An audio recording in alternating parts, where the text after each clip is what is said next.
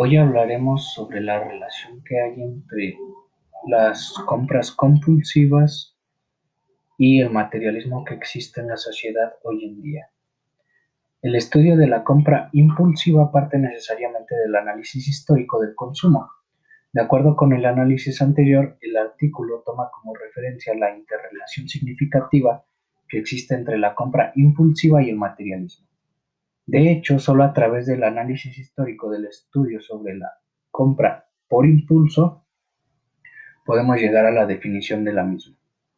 La perspectiva materialista asume el consumo como un hecho significativo en la vida de los individuos, al establecer una conexión casi insoluble entre estos y los bienes de consumo.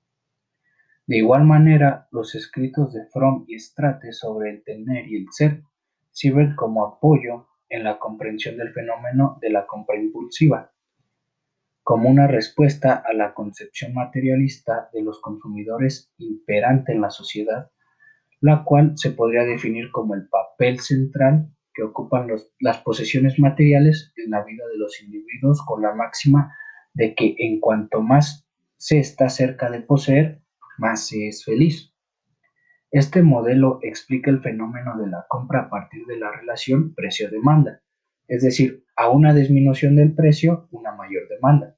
Sin embargo, hay casos en el que no se da esta relación directa, como por ejemplo la teoría sobre el consumo conspicuo, la cual nos habla sobre que las personas tienen atracción a productos caros para así poder demostrar y mostrar su riqueza por lo que habrá una relación directa entre riqueza y consumo conspicuo.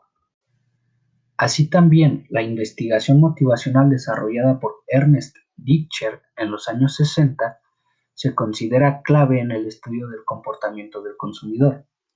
Posteriormente encontramos autores como Belk y Coder, quienes en los años 70 señalaron la importancia del ambiente sobre la conducta de compra del consumidor. El puntaje obtenido de 550 al relacionar estas dos variables indica que existe una relación significativa entre el materialismo y la compra compulsiva. En los comportamientos compulsivos, los niveles de autoestima del consumidor se constituyen en un aspecto central dentro del análisis.